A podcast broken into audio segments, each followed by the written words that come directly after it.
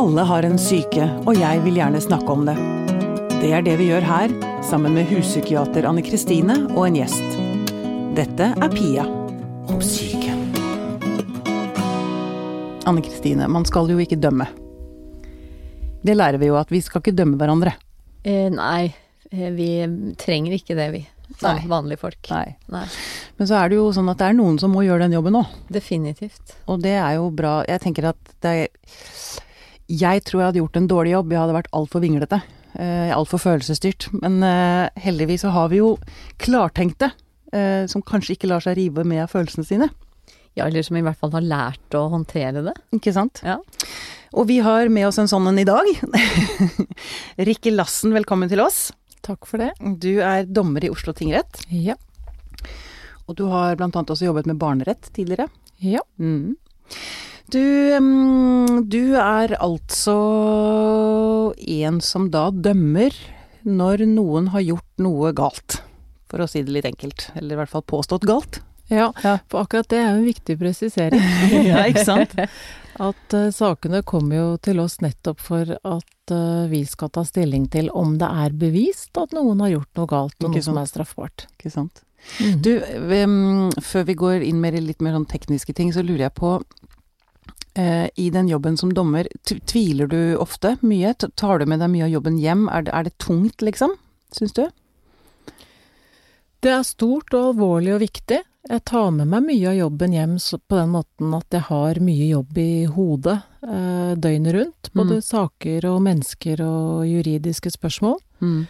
Um, I straffesakene så er det jo nettopp det spørsmålet om tvil eller ikke tvil eh, som vi bruker mye tid på. Det er veldig sentralt, fordi at eh, vi skal jo ikke dømme noen hvis ikke vi er overbevist om at de er skyldige. Mm. Så hvis vi er i tvil, hvis det er en rimelig tvil, så skal vi frifinne. Ja. Så tvil er liksom et helt sånn uh, kjernebegrep for oss. Vi leter etter tvilen. ja. Og hvis uh, vi er i tvil, og det ikke er en sånn helt hypotetisk konstruert uh, tøysetvil, Mm. så er det vårt ansvar å, å frifinne. Ja. Jeg har lyst til å bare ta litt sånn rent konkret teknisk, fordi ikke sant, man blir arrestert, og så blir det tatt ut en tiltale. Og så havner man i retten, Oslo tingrett, og så eventuelt lagmannsretten hvis man anker, og så Høyesterett. Og så er det eventuelt Europadomstolen eller menneskerettighets... Ja. Det er Mm. liksom gangen i, i det, ikke sant? Ja, det er riktig. Og i tingretten så sitter du sammen med to meddommere. Ja. Og det er legfolk. Ja. Altså sivile. Ja. Nor nor normale folk. Nå, altså, nå snakker du bare for å presisere, dette er jo straffesakene. Det er straffesakene. Ja. Og alle straffesakene de begynner i tingretten, Mm. og den som er tiltalt da, møter en juridisk dommer, sånn som meg, Mm. sammen med to vanlige folk som er meddommere. ja. Og vi tre er sammen dommerne i den saken. Ja. Og de to meddommerne kan overstyre deg. Ja.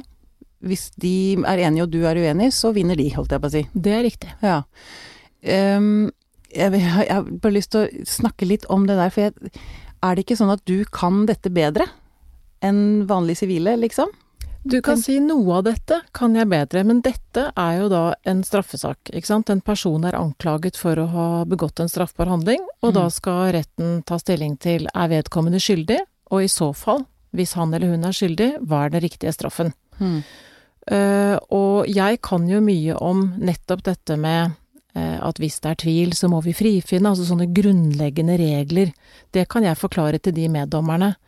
Men jeg kan jo ikke mer enn dem eh, når det gjelder å vurdere de bevisene vi får fremlagt. Forklaringen fra mennesker som eh, gir en forklaring, det kan være skriftlige bevis. Det er en del vurderinger som skal gjøres som, som er eh, rent menneskelige, som alle kan gjøre. Ja. Og de kan vi gjøre sammen. Men Mm. jeg kan forklare meddommerne hvilke rammer det skal skje innenfor, da. Akkurat. Mm. Mm. Og mye av poenget med meddommerne er jo nettopp også at man skal dømmes av sine likemenn. Man skal dømmes av personer som ikke blir snøblinde av å se så mange tiltalte og så mange anklager og Ja, akkurat, fordi du, du kan bli akkurat snøblind. Ja, hvis, det bare satt, Mm. hvis det bare var en juridisk dommer, hvis jeg bare satt i tinghuset og tok imot personer som var anklaget uh, hele tiden, så kunne jeg miste litt eh, ja, det åpne sinn og muligheten til å stille spørsmål, og erfaringen som alle mennesker har da, med rare ting som har skjedd, og uventede ting som har oppstått, og Mm. eh, tilfeldigheter og Mm. Sånn at det blir en mye, det blir en mye bedre eh, vurdering når man har med det legmannselementet, da. Ja, nettopp. Du, eh, Anne Kristine, jeg vet du har jo blitt kalt inn som fag, fagkyndig, heter det det? Ja, fagkyndig meddommer. Meddommer. Mm. Mm. Hvordan opplever du å være i retten? Jeg eh, har jo vært fagkyndig meddommer i saker som handler om psykisk helsevernloven. Mm. Så da er det jo også en eh, administrator som er jurist, og så er det en holdt på å si hvilken som helst person. Og så er det en meg, da, som har en, en psykiatrifaglig bakgrunn. Mm. Og jeg må si at jeg syns det er eh, spennende og viktig arbeid, så jeg sier ja så sant jeg har mulighet. Mm. Eh, og da, for da er det jo nettopp det å sammen med andre vurdere det som blir fortalt, og ikke minst det å kunne stille en del spørsmål. Jeg tipper at det er en del kolleger som ikke akkurat liker at jeg er fagkyndig meddommer, for jeg liker å stille sånn vanskelige spørsmål. Okay. Men det kan jeg jo gjøre fordi at jeg sjøl har jobba ute i, altså i klinisk arbeid. Mm. Så jeg vet jo litt om hvor, hva slags arbeidsforhold folk har. Men, eh, men jeg, jeg syns det er det å få lov å stille spørsmål, og det å kunne få lov å bidra til at folk får belyst saken sin, det syns jeg er en veldig fin rettighet Mm. man har hvis man er innlagt under tvang. At man faktisk har rett til å få belyst saken sin. Ja. Mm. Mm. Du, i hvilken grad tar man hensyn til psyken i, i en rettssak? Altså, hvor, hvor jeg får si gode er dere til å øhm, Ja, vi hadde jo Anders Behring Breivik er liksom det klassiske eksempel på å vurdere om man er tilregnelig eller ikke. Og det er liksom man kan lure på hvordan kan et menneske som gjør noe sånt noe i det hele tatt altså, Selvfølgelig er jo mannen gæren, tenker man som vanlig person. Men altså, hvor mye vekt legger dere på det? På psyken? Eh, Det er et sånt kjempestort spørsmål. Ja, det, det kan, det kan man svare på sånn over en 14-dagers periode, vil jeg anslå. um, ikke sant? I strafferetten så legger vi jo veldig stor vekt på om man er strafferettslig tilregnelig. Mm. Uh, og det er jo fordi du, du skal jo ikke Vi straffer ikke barn, vi straffer ikke mennesker som, uh, som ikke vet hva de gjør. Mm. Eh, Sånn at hvis det er tvil om eh, noen faktisk har skyldevne, så må det undersøkes. Så i ganske mange straffesaker så gjøres det undersøkelser før saken kommer inn for retten av den personen som man anklager for noe. Rett og slett for å se har vedkommende skyldevne. Så det gjøres før man kommer i retten? Ja, men noen ganger så, er det, så, har det ikke vært gjort. eh, Men så sitter man i retten, og så tenker man jeg tror kanskje ikke denne personen er helt på plass.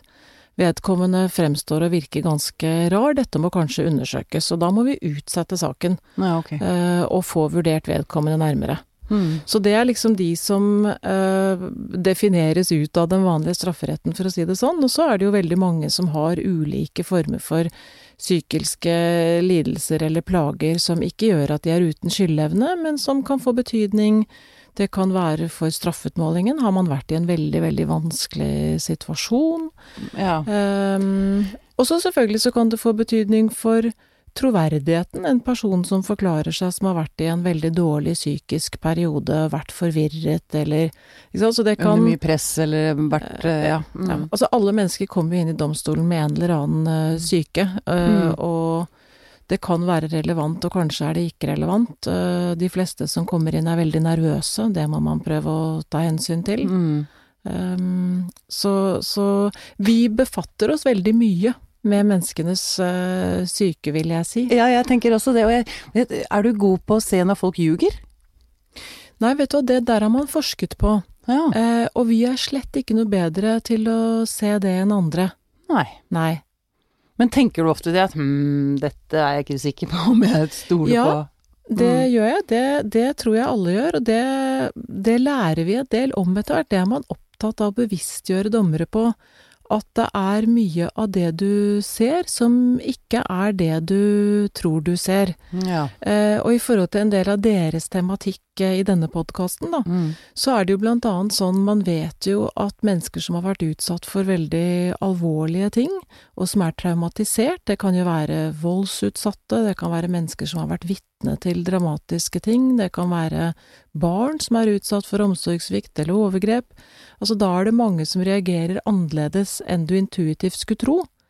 Ikke sant? Så det er lett å tenke oh, ja. at å ja, hvis ikke du gråter når du snakker om dette, da har det sikkert ikke skjedd.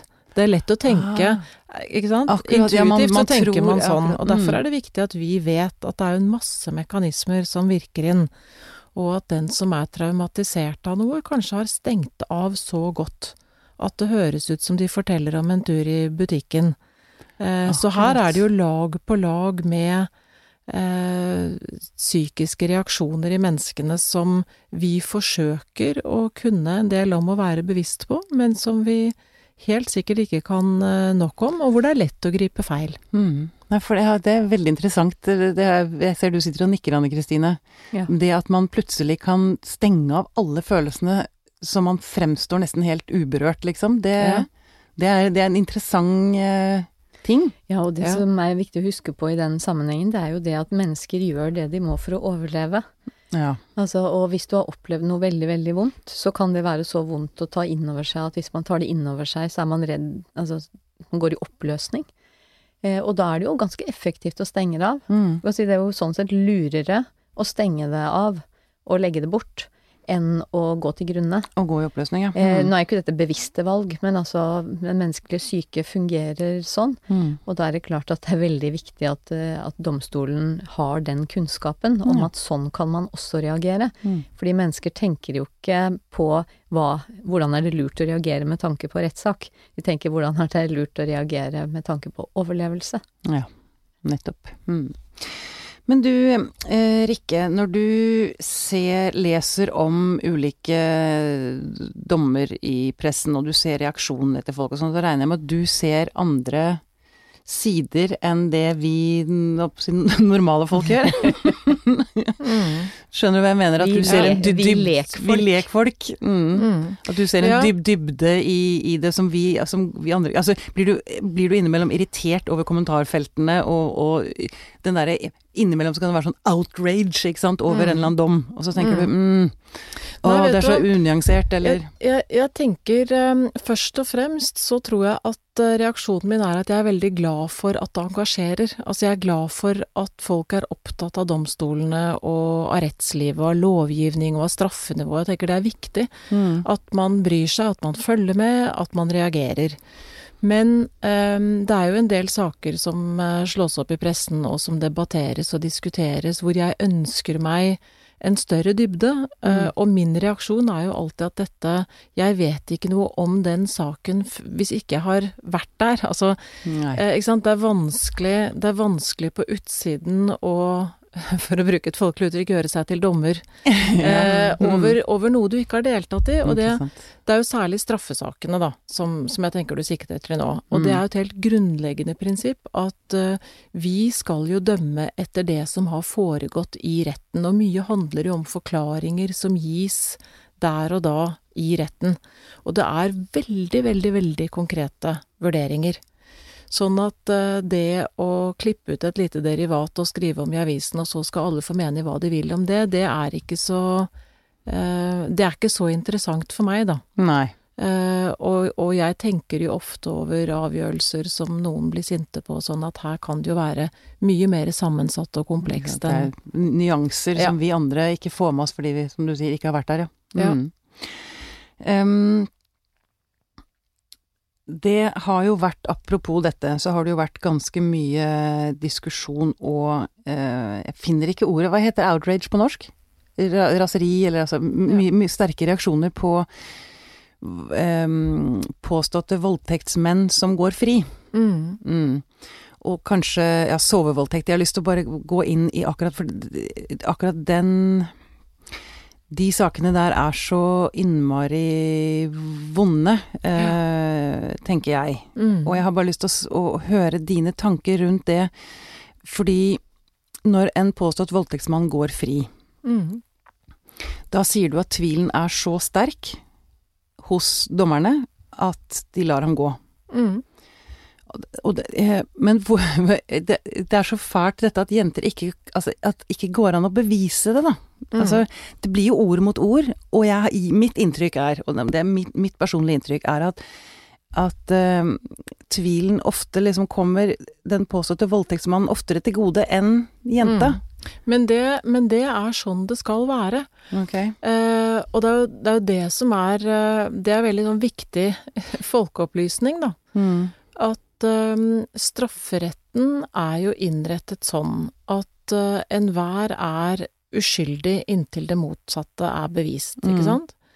Uh, og det er påtalemyndigheten, politiet, som må bevise at noen har begått en straffbar handling. Det er ikke sånn at man må motbevise selv at man har gjort det. Det er ikke sånn at hvis jeg Nei. sier du har gjort dette, så må du bevise at du ikke har det. Mm. Det er påtalemyndigheten som må føre bevis for at dette har faktisk funnet sted. Du er skyldig, du har gjort dette med vilje. Og hvis det er noen rimelig tvil om at det er riktig, selv om man mener at det er mest sannsynlig at du er skyldig, men hvis det er en rimelig tvil, så skal vi frifinne. Mm. Så jeg tror at eh, hvis man husker på at i straffesakene så er det ikke rettens opp oppgave å finne ut av hva det er som egentlig har skjedd. Det som er rettens oppgave, det er å finne ut av om påtalemyndigheten kan føre bevis for at det har skjedd.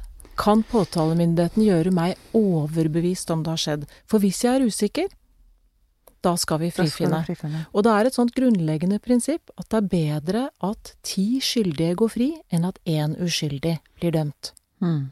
Så hele kjernen vår er at tvilen skal komme den tiltalte til gode. Mm. Jeg har bare lyst til å lansere et begrep som jeg ble veldig godt kjent med da jeg jobba på regional sikkerhetsavdeling, og det er den allmenne rettsfølelse. Ok. Altså det som folk flest mener, Mm. og det kan være ganske langt fra, eh, fra en rettslig avgjørelse. Altså det, det, altså det hadde jo ikke med strafferetten å gjøre. Eller jo, for så vidt, det hadde jo det. Fordi at det var jo eh, sant, mennesker som i psykose eh, dreper noen. Mm. Da, skal, da er jo ikke de tilregnelige. Mm. Eh, Da skal de ikke ha straff, men fordi handlingene er så alvorlige, så idømmes de en særreaksjon. Eh, Men det er ikke straff, da, det er en særreaksjon, og det kan være eksempel behandling i psykisk helsevern. Mm. Og da er det jo sånn at når du blir frisk av den psykosen, og det har gått litt tid, så er du jo frisk, og da trenger du ikke behandling lenger, og da kan du Slippes du fri? da kan du skrives ut, Mm. eller, og dommen måtte oppheves fordi at du er frisk av det som gjorde at du gjorde det du gjorde. Og det må oppleves som urettferdig. Og det eh, blir det ofte veldig mye reaksjoner på. Masse avisoverskrifter står det ikke sant, 'drapsmann går fritt på gata etter tre år', det er skikkelig urettferdig. Mm. Og da er det jo den allmenne rettsfølelsen som blir krenket, for dette føles urettferdig. Mm. Men, eh, men det er viktig, jeg syns du forklarer det veldig godt, Rikke, at det er ikke Altså, retten skal på en måte ikke vurdere hva som er rettferdig og ikke, men retten skal vurdere om det er eh, dokumentert og bevist og lagt fram nok. Ja, for å gå Mm. tilbake til sant, voldtekt, da. Det må jo altså For en jente som Eller gutt eh, også. Um, Mm. Som er blitt voldtatt. Og så slipper overgriperen fri. den fri. Forenkler jeg det for mye nå? Eller eh, Ja, fordi det du, det- det, du hopper over, da, mm, det er jo eh, at eh, når saken kommer til retten, så er noen anklaget for voldtekt, Mm. mens den som er anklaget ofte sier at det er ikke riktig. mm, Eh, og når man hører voldtektsbegrepet, så ser man for seg kanskje sånn overfallsvoldtekt på gaten. Når vi møter eh, voldtektssaken i domstolen, så møter vi veldig ofte eh, disse spørsmålene om såkalt sovevoldtekt, eller nachspielvoldtekt, som man også kan kalle det. Eh, og da er bildet mye mer komplekst. Da er det noen som er på fest eller nachspiel sammen, eh, og som eh, har befunnet seg på samme soverom eh, og som har vært der alene, eh, og som kanskje har hatt seksuell kontakt av en eller annen art med hverandre, og som så i ettertid er uenige om hva det er som har foregått, og hva det har vært. mm, Eh, sånn at da er jo ikke utgangspunktet at det har eh, skjedd en voldtekt, da er utgangspunktet at noen mener at det har det, og noen andre mener at det har det ikke. Og det er et veldig, veldig vanskelig bevisbildet. Mm, jeg ser, jeg ser Så det er men- mye, mye eh, up close, så er dette veldig mye mer komplekst enn det er lett å tenke seg utenfra. Mm. Og nå er jo ditt perspektiv den som opplever å ha blitt voldtatt uh, og ikke føler seg trodd eller møtt på det. Eh, vi må jo også forholde oss til perspektivet den som er anklaget for noe så dramatisk som å ha voldtatt et annet menneske, Mm. og også mener at eh, det har de på ingen måte gjort. Mm. Men det har vel også skjedd at ehm, en voldtektsmann har gått fri? Ja, øh, det er klart at det har øh, skjedd, og hvis ikke det er ført tilstrekkelig bevis, sånn at retten er overbevist, Mm. så skal vi frikjenne. Mm. Uh, selv om man sitter og tenker at uh, det er absolutt mest sannsynlig at det har skjedd en voldtekt. Men hvis det er en rimelig tvil, hvis du ikke kan For du kan, utelukke du kan rett og slett sitte og tenke at det nok har skjedd, men du allikevel er såpass mye tvil at du må frifinne? ja, Ja. Ja, og det er, det er, ikke, det er ikke uvanlig i straffesakene. Og det er, eh, det er vår plikt som dommere. Det er nettopp å eh, ta ansvar for det beviskravet Mm. eh, som lovgiver faktisk har oppstilt. Mm. Ikke sant? Og da er det ikke tilstrekkelig at det er mer sannsynlig at det er en voldtekt enn at det, eh, at det ikke er det. Da skal vi være overbevist. Da skal det være hevet over enhver rimelig tvil. Ja. Men det må være veldig vondt å, å frifinne noen som du, du tenker du kjenner kanskje at ja, noe har skjedd, noe gærent har skjedd, men du må slippe vedkommende fri? Eller? Nei, det er jo det som er domstolens Nei, oppgave. Altså det, er, det er viktig å forstå rollefordelingen og ansvaret, da. Mm. Eh, Det er jo eh, Lovgiver har, eh, har bestemt hvordan strafferetten vår skal innrettes, og da er det jo veldig, veldig viktig at vi som sitter som dommere er lojale til det. Ja. At ikke man sitter sånn og kjenner etter hva syns jeg egentlig Mm, selv om mm. disse spørsmålene. Det gjelder jo både, både skyld og straff, så det er utrolig viktig. Mm. Ehm, sånn at eh, Men det er klart det er saker hvor man tenker at her er det mennesker som bør få andre former for oppfølging. Ehm, og det fins jo mange systemer som tar deg imot eh, og tror på deg og tar deg imot på de forutsetningene du selv kommer med. Mm. Og det er jo ikke sånn hvis noen anmelder til politiet og det ikke blir tatt ut tiltale, eh, eller hvis en sak bringes inn for retten og noen blir frifunnet, det er ikke sånn at vi sier vi tror ikke på den som har anmeldt eller fortalt om noe, men det er ikke bevist hevet over enhver rimelig tvil. Så det blir en ganske sånn Det blir jo en litt mer sånn teknisk eh, tankeprosess som jeg forstår at, at du kan reagere på, men Mm. jeg er veldig trygg på hva som er mitt ansvar, og det er jo å eh, å gjøre disse vurderingene i tråd med det lovgiver har bestemt, og det som er min rolle, da. Mm. Men jeg har bare lyst til å bringe inn noe som jeg kom på nå. Vi har jo hatt eh, Lisa Arntzen fra Dixie her, og hun, hun eh, refererte noe fra en domsavsigelse, heter det det, mm, for noen år siden. Nå klarer jeg ikke å gjengi det helt ordrett, men hun, eh, det var noe med Det sto noe om at eh, retten feller ingen dom over jenta, men, men bemerker at hun har hatt eh, seksuell omgang med mange menn. Mm. Ehm, altså det, det var en så Husker du det, Anne Kristine? At det var en Ja, sånn jeg husker det. det. Det var rett og slett litt sånn, hva skal vi si, litt moralistisk. Mm. Eh, De, eh, altså det som var skrevet, altså det som vi så da, Ja. det som var klippet ut, at Mm. man kunne tenke at uh, det ikke bare var juss, men det var en dose moral Mm. i det som sto. Ja, for det, er, det, det, må jo være litt sånn personavhengig òg, tenker jeg. Altså, alle dommere er vel ikke som deg. Altså, skjønner du hva jeg mener? At, at man må Man legger vel inn noe av seg selv i det også. Jeg vet at man ikke skal, men klarer man å holde seg selv helt utenfor? Eh, Alle dommere er jo helt vanlige mennesker eh, og er veldig forskjellige, Mm. og har eh, seg og sitt som man profesjonelt må ta et ansvar for å begrense, da, Mm. i den i utøvelsen av, dommerrollen. Jeg kjenner ikke den dommen dere refererer til, men det jeg kan si helt sikkert, er at det er ingen som helst tvil i den norske strafferetten om at voldtektsbestemmelsen beskytter alle som er, kan det er straffbart og ved vold eller truende atferd eh, ha seksuell omgang med andre, eller å ha seksuell omgang med noen som er beruset eller bevisstløs. Og det gjelder jo uavhengig av hvilken person det er, hvor mye seksuell erfaring personen er. Det er selvfølgelig like straffbart å voldta en person som er prostituert, som en person som aldri har hatt seksuell omgang med noen. Mm. Eh, det er like straffbart å gjøre disse tingene i et forhold med noen du er gift med, samboer med. Eh, sånn at slik sett så skiller det overhodet ikke. Mm. Eh, så det at man har uh, hatt sex med få eller mange, altså det er helt uten betydning. Mm. Det som noen ganger kan ha betydning inn i eh, konkrete vurderinger, det er jo to personer som har hatt seksuell omgang med hverandre, og hvor det på et tidspunkt eh, går over til en situasjon hvor den ene mener at den andre har, har gjort en, en voldtektshandling, da. Mm.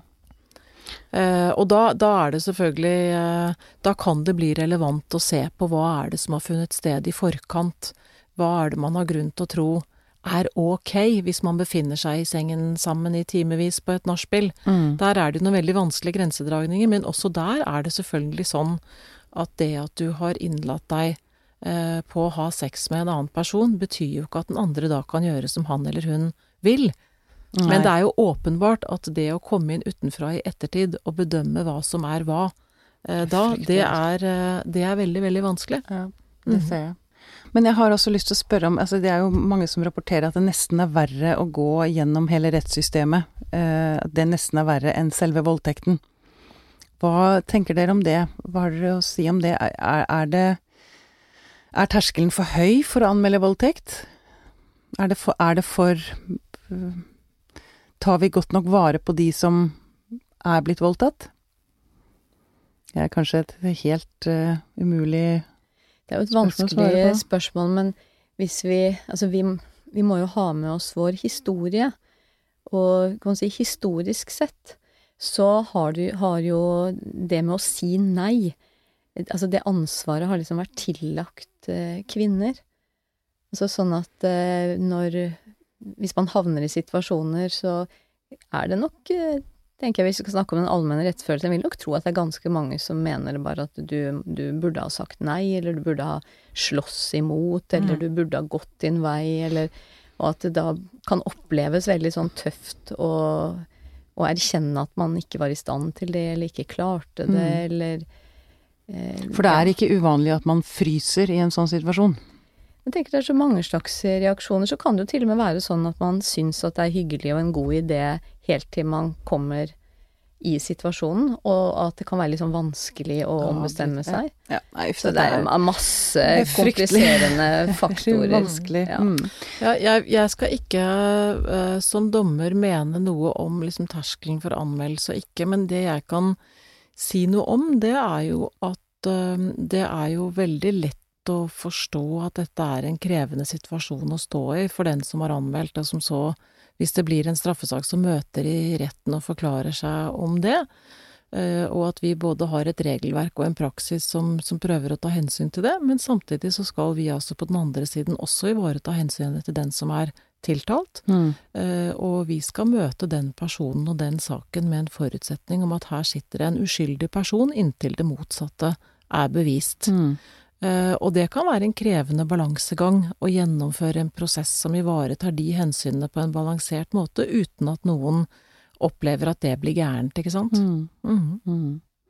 Men vi, vi tenker vel at vi har et rettssystem som fungerer bra. Ja, jeg mener absolutt det, men jeg er da opptatt av å poengtere i forhold til din inngang til dette, Mm. at jeg mener at det fungerer bra i forhold til det som er vår oppgave, og det er jo å vurdere i voldtektssakene er det ført tilstrekkelig bevis for at Mm. vedkommende er skyldig, eller er det ikke det?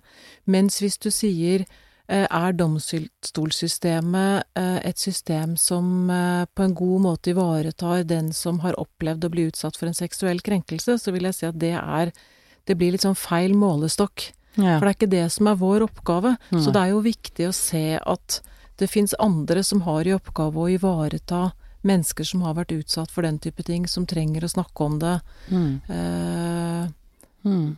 at man, man må passe seg for å gjøre domstolen til å se for seg domstolen som et organ som skal ivareta veldig mange forskjellige behov. Men Dere er ikke foreldrene oppstår. til alle menneskene, liksom? Nei, vi er ikke foreldrene, vi er ikke behandlere, vi kan mm. ikke bidra til bearbeidelse, vi kan ikke Jeg tror ofte, når jeg snakker med folk om straffesaker, så, um, så oppfatter jeg at noen tror at det er litt sånn som det var på Derrick i gamle dager, at mm. på slutten så spoler vi liksom tilbake og ser hva som egentlig skjedde, at det er vår jobb, da. Mm. Og liksom vise, vise filmen om det som egentlig egentlig skjedde. Eh, og det kan vi ikke, men det vi kan gjøre, det er å vurdere de bevisene som blir ført for mm. den dømmende retten, mm. og si dette holder til domfellelse, vi er overbevist, eller vi er ikke overbevist, her er det en rimelig tvil, det kan finnes andre forklaringer, mm. og da skal vi frifinne. Mm. Nettopp. Du, hvilke saker er de eh, vanskeligste, vondeste, syns du? Hva, hva, går, hva går sterkest innpå deg? Det gjør jo alltid sterkt inntrykk å forholde seg til saker som gjelder barn. Mm. Og det gjør vi jo på mange nivåer. Det er jo mange straffesaker som dreier seg om eh, forhold hvor, hvor barn eh, er beskrevet å være ofre. Um, og vi behandler jo saker uh, som gjelder uh, omsorgssvikt mot barn saker som gjelder barn som lever i veldig sterke konflikter mellom eh, foreldre. Mm. Eh, og det tror jeg alle dommere blir berørt av. Eh, barns liv, barns skjebner. Mm. I en del saker så får man innblikk i, i oppvekstsituasjoner og, og barndommer som, som, gjør veldig vondt. Mm. Eh, og så er det ikke rent sjelden sånn at barn man eh, får informasjon om som er eh, utsatte for noe, er ofte utsatt i, i flere dimensjoner samtidig. Mm. Um, så det med, med, med, ubeskyttede barn som er prisgitt voksne som, som ikke har villet dem vel, eh, det gjør veldig, veldig sterkt inntrykk. Mm, det skjønner jeg. Får du noen gang lyst til å kline til noen? ja, når du sitter og snakker, så tenker jeg at jeg hadde, jeg hadde blitt så sint hvis jeg hadde Ja. Mm.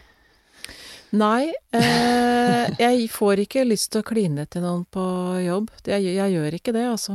Eh, men jeg kan få det som, eh, som privatperson. Mm. Eh, så jeg tror det er eh, eh, Jeg er opptatt av det. Vi er jo vanlige folk, alle vi som er dommere. Og så er jo poenget at du så vi er jo ikke noe bedre enn en andre, men du går inn i en rolle da, som forplikter deg til noe. Mm.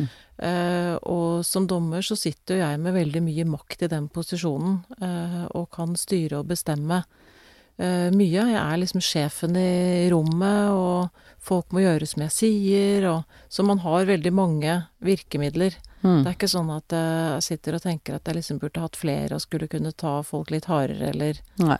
Eh, men, jeg, men jeg, skjønner, jeg, skjønner, at du spør. ja, men er det, er det Dumt spørsmål på slutten her, men er det eh, sånn som man ser på amerikanske filmer og rettssaker og sånn? Objection! Nei.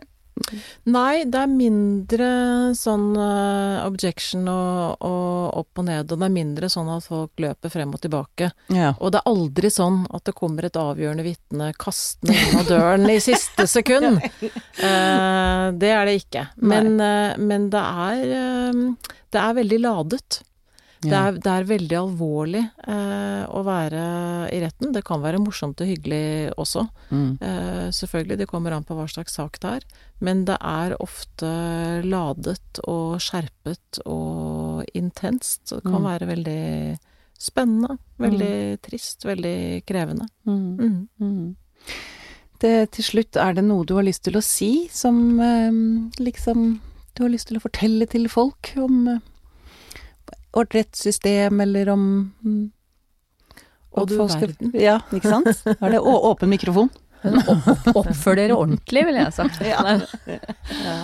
Nei, jeg tror uh, Det jeg har lyst til å si, er jo at, uh, at um, vi har jo et uh, veldig godt fungerende rettssystem i Norge, og i en verden som ja, verden kommer tettere på, vi ser veldig mye forskjellig. Um, både hvordan rettssystemet virker som en struktur i samfunnet overfor menneskene rundt oss. Mm. Eh, og et velfungerende rettssystem er viktig for at vi skal eh, være trygge i forhold til hverandre. Det er viktig i forhold til å opprettholde demokrati. Um, så jeg kan liksom snurre litt tilbake til et av utgangspunktene dine, at um, det at man har et velfungerende rettssystem og engasjerer seg i det, uh, det er veldig gledelig, for det er veldig viktig uh, for samfunnet vårt og for at vi skal ha det bra med hverandre. Så, så, jeg vil oppfordre folk til å bry seg, være nysgjerrige og engasjere seg, og gjerne kritisere domstolene. Og stille spørsmål og, og kreve svar. Ja. Eh, men, men, det rettssystemet vi har, er, eh, det er alles. Det er for, eh, for alle, og det kan treffe alle, og alle har noe med det. Ja. Du, jeg har lyst til å spørre, hvis man vil stille spørsmål og kreve svar, hvor sender man det hen?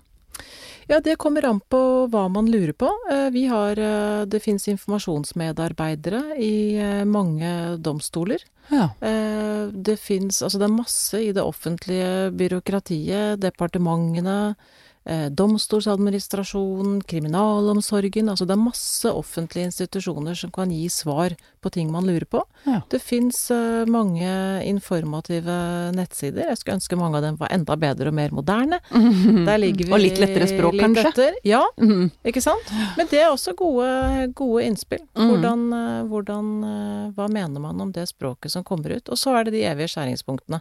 Mm. At eh, noe, noe presist fagspråk må vi bruke for at det skal bli riktig. Men Ja. mye mindre. Jeg tror jurister er jo uh, i norgestoppen på gammeldags og snurrig språk. Ja. Er det sånn for å beskytte seg, liksom? At man, eller at man Er det sånn statusgreie? Hva er det? Hvorfor gjør man det så vanskelig? Det er et morsomt spørsmål. Det er omdiskutert. En del av det er at vi forholder oss jo til lover. En del av de lovene vi forholder oss til er skrevet uh, liksom for 100 år siden Ja, nå. Så da blir det litt sånn gammeldags. Mm. Uh, men uh, det er nok en del også sånn at man tilslør, kan tilsløre litt det som Ja. er vanskelig. Man kritiseres jo litt for det. Mm. Og vi utfordres veldig på det i domstolene nå. Eh, hvordan kan man skrive dommer som er lettere å forstå Mm. for de det gjelder? Og da er det masse Vi får masse morsom informasjon om mange av de rare ordene som vi syns er helt naturlig å bruke, så folk bare får latterkrampa og ikke skjønner hva det betyr engang. Har du noe eksempel? Ja, eh, under tiden. Ja. eh, inkurie. Altså det er en del sånne ord som jurister bruker eh, veldig naturlig, Mm. som andre bare får latterkrampa. ja. Nettopp. Uh, ja. Mm. Mm. Ja, men det er en god oppfordring. Engasjer, engasjer dere. Og still Mm. spørsmål og krev svar og hold på. Ja. Det er lurt. Det er Mhm. bra for samfunnet og demokratiet. Ikke sant? Det er du enig Anne Kristine? Det er jeg veldig enig i. Ja. Bra. Rikke Lassen, tusen takk for at du kom og opplyste oss. Takk for at jeg fikk komme.